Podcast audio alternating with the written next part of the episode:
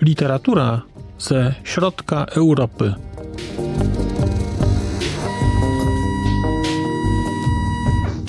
Podcast około książkowy. Dzień dobry, witam Państwa po raz kolejny. Marcin Piotrowski. Zapraszam na spotkanie z literaturą z Europy Środkowej. Dzisiaj spotkanie z literaturą austriacką, a bohaterem dzisiejszego spotkania będzie Robert Musil ze swoją książką zatytułowaną Trzy kobiety. Trzy kobiety to jest zbiór trzech, no albo dłuższych opowiadań, albo krótszych nowel. Chyba to są raczej nowelki, powiedziałbym. Więc jest to zbiór trzech nowel zatytułowanych Grigia, Portugalka i Tonka.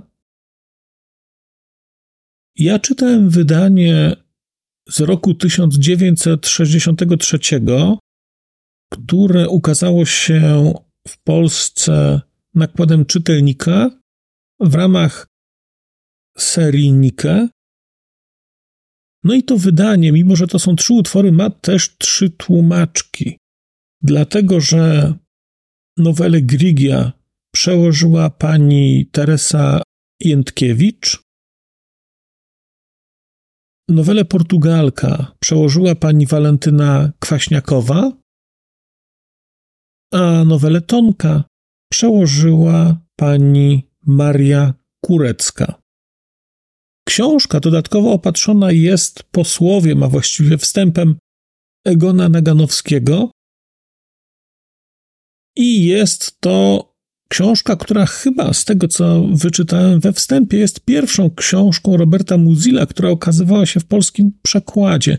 Więc Egon Naganowski wprowadza trochę czytelnika w pisarstwo Roberta Muzila, no i zachęca do rozpoczęcia przygody właśnie z trzema kobietami.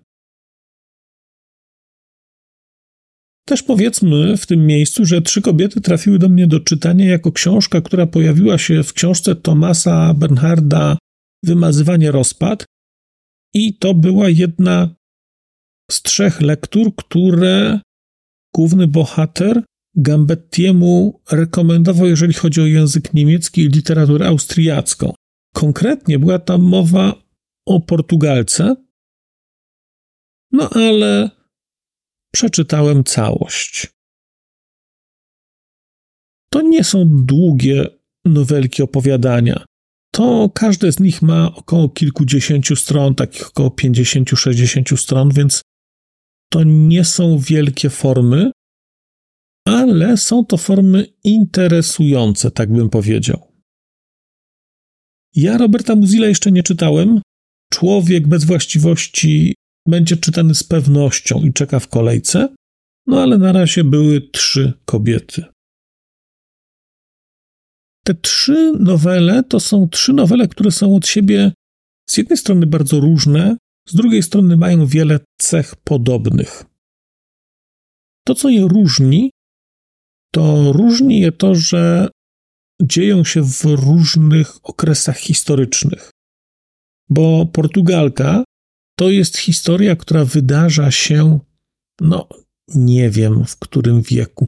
Powiedziałbym, że gdzieś może na przełomie XV i XVI wieku. Tonka dzieje się praktycznie współcześnie Muzilowi. Grigia, miałem wrażenie, że to jest też gdzieś przełom XIX i XX wieku. Pewnie by się dało to gdzieś jakoś na bazie odkryć, na bazie pewnych zjawisk, datować dokładnie, no ale Generalnie są to czasy prawie Muzilowi współczesne. To, co jest w tych opowiadaniach bardzo podobne, ale chyba słowo podobne jest niewłaściwe. Raczej należałoby powiedzieć to, co jest w tych opowiadaniach wspólne. To wspólne jest tutaj pewne postrzeganie relacji miłosnej, relacji układu mężczyzna-kobieta w kategorii fundamentalnego niespełnienia i takiej niemożności komunikacyjnej. Jakiś czas temu głośna była książka Mężczyźni są z Marsa, kobiety z Wenus. Ja jej nie czytam, ale mniej więcej się domyślam, o czym ona jest. I można byłoby powiedzieć, że na poziomie literackim istotne elementy tamtej książki znajdują odbicie w prozie Roberta Muzilla. Dlatego, że we wszystkich tych opowiadaniach mamy historię właściwie głównej pary bohaterów. Oczywiście bohaterów jest więcej w tych opowiadaniach, są bohaterowie pierwszoplanowi, drugoplanowi. Natomiast każdy z nich ma główną postać kobiecą i ma główną postać męską. Ta para tych bohaterów jest ze sobą w relacji uczuciowo-erotyczno-miłosnej.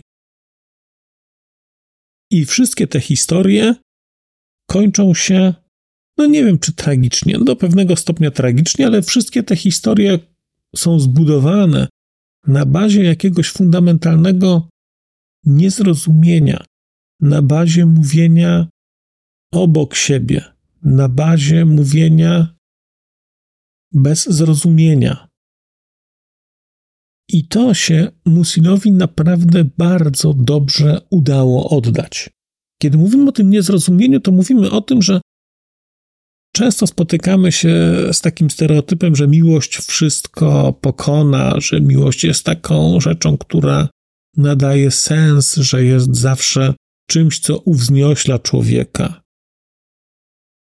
Tymczasem tutaj, w, w każdej z tych opowieści, z tych nowel, z tych opowiadań, mamy to uczucie takie w formie nieoczywistej, a właściwie nawet uczucie może jest i oczywiste, ale świat, w którym ono funkcjonuje, to co się wydarza dookoła niego powoduje, że całość jest jakaś przesycona takim niepokojem. Trochę to wszystko jest takie niedokończone.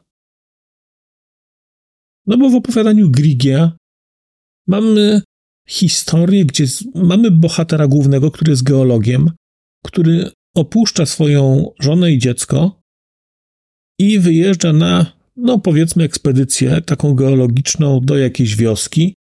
Ewidentnie mają tam coś, czegoś poszukać, sprawdzić kopalnię, odnaleźć jakieś tam cośki. Więc mąż porzuca swoją żonę, wyrusza na taki dłuższy wypad w góry, na wieś.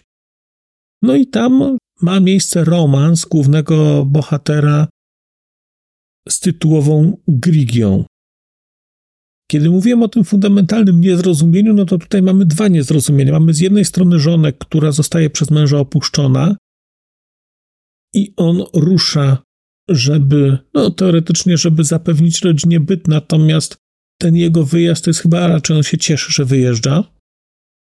I z drugiej strony mamy tego inżyniera, który ma romans z Grigią, a Grigia jest, e, jest mieszkanką wsi, jest chłopką, jest bardzo prostą osobą.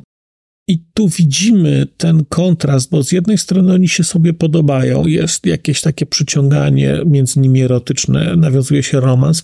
Z drugiej strony mamy z jednej strony inżyniera, z drugiej strony mamy chłopkę, która mówi po chłopsku, mówi po wiejsku. Te wszystkie rzeczy, które u tego inżyniera są jakoś y, wysublimowane. Ten inżynier ma na imię Homo. Homo patrzy na to w sposób jakiś wysublimowany. Tymczasem u Grigi te rzeczy są bardzo proste. Mówi, chodź zlegniemy. Nie mówi nos, tylko mówi nohal, nie mówi nogi, tylko mówi kulasy. To wszystko gdzieś powoduje, że ten homo jakoś tak dziwnie na to patrzy. Jednocześnie jest tam pewien rodzaj bliskości, i tu pozostawię tę historię, bo no bo naprawdę to jest niewiele stron i nie chcę Państwu psuć przyjemności, jeżeli zdecydujecie się czytać na odkrywanie tych, tych, tych historii.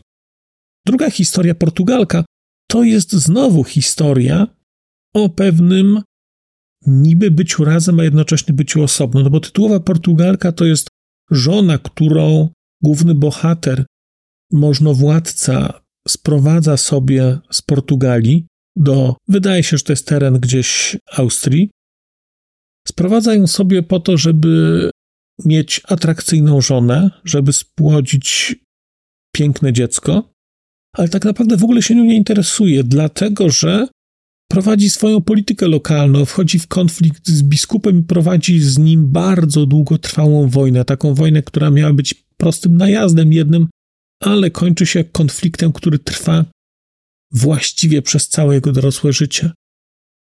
I z jednej strony mamy więc bohatera, który ma piękną żonę, mamy go prowadzącego wojnę i mamy tę żonę żyjącą w zamku, żonę, która została do jakiegoś stopnia uwiedziona obietnicą opuszczenia tej nudnej Portugalii i życia w jakimś romantycznym miejscu. Tymczasem zamek, do którego przyjeżdża, jest e, rozpadający się, lekko podgniły, a żyje tam właściwie sama. I też jest tutaj to rozdarcie. Dwie osoby, które są, niby są razem, a jednocześnie są osobno. No i jest trzecie opowiadanie, opowiadanie Tonka, gdzie też mamy kolejny raz zbliżoną sytuację, czyli mamy prostą dziewczynę, która mieszka w mieście, ale jest no, z takiej rodziny, która nie jest poważana, bo jej matka, o ile dobrze się orientuję, prowadziła chyba dom publiczny albo udostępniała miejsce na schadzki takie. Ale dziewczyna jest prostą dziewczyną, zakochuje się w niej młodzieniec, wchodzą w jakąś relację, ale też jest tak, że mimo, że tam jest jakieś uczucie, to ponieważ on jest mocno wykształcony, a ona jest prosta, to trudno jest im się jakoś porozumieć. Trudno się ze sobą komunikować, trudno pewne rzeczy wyrażać, trudno pewne rzeczy współodczuwać.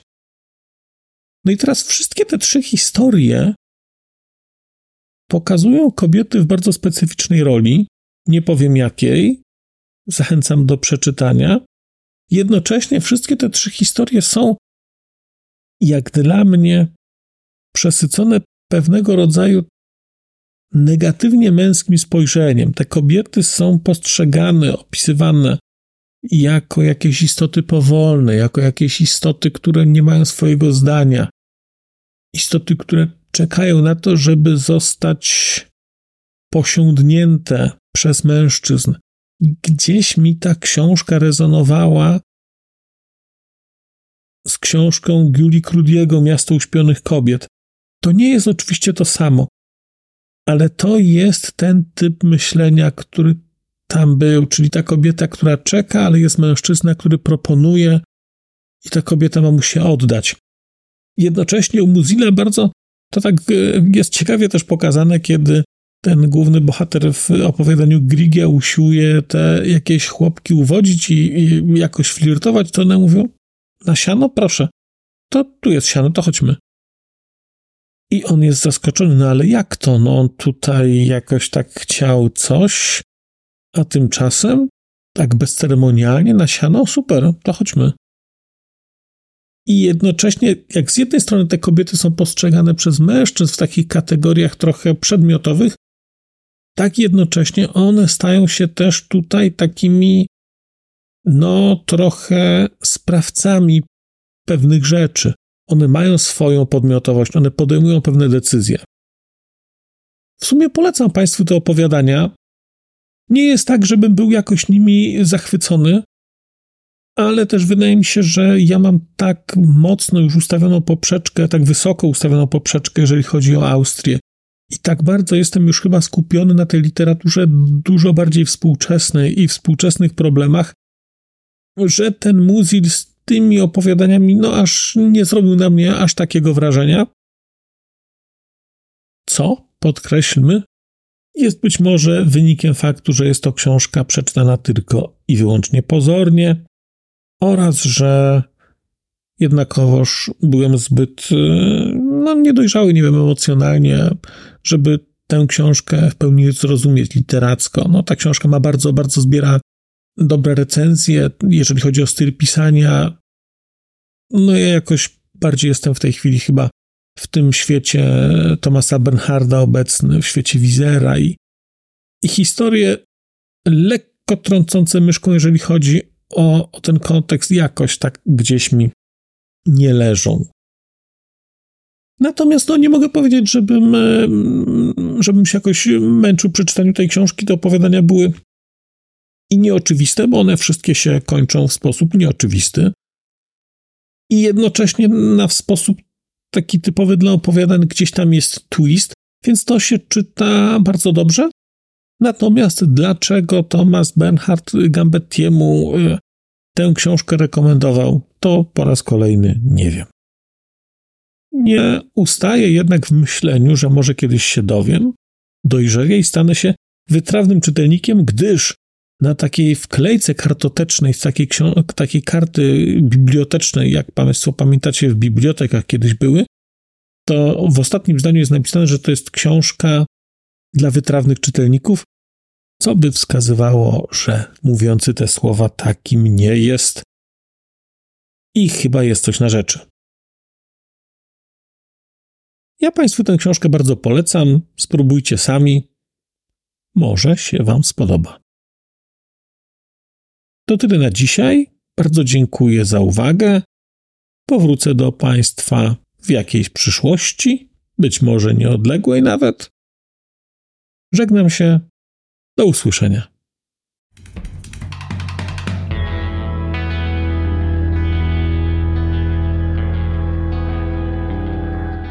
Bardzo dziękuję Państwu za wysłuchanie tego odcinka, bo skoro jesteście w tym momencie, to znaczy, że wysłuchaliście go do samego końca.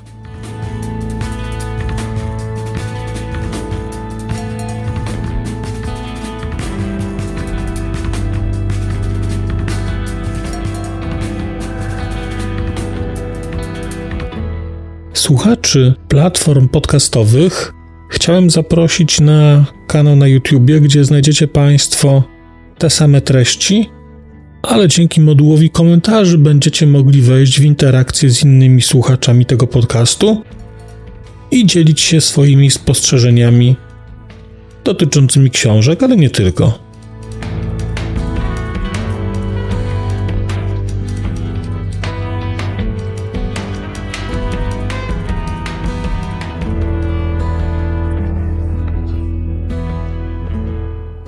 Oprawa muzyczna tego odcinka została zrealizowana na bazie muzyki słowackiego zespołu Longital.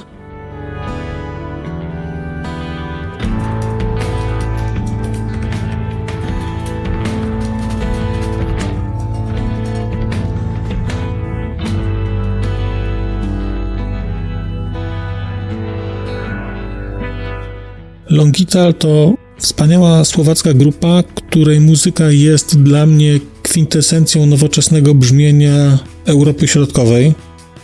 Bardzo Państwa zachęcam do posłuchania tego zespołu i chciałem podziękować Shinie i Danielowi, że zgodzili się na wykorzystanie ich muzyki w moim podcaście.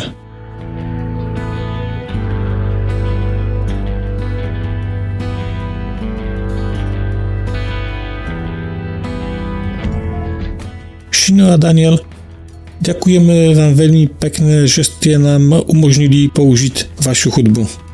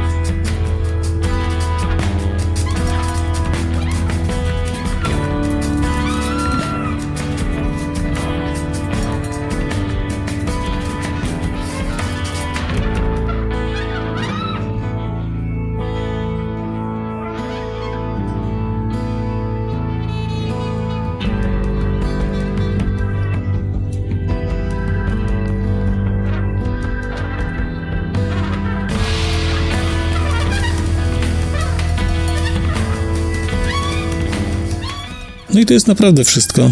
Dziękuję i do usłyszenia.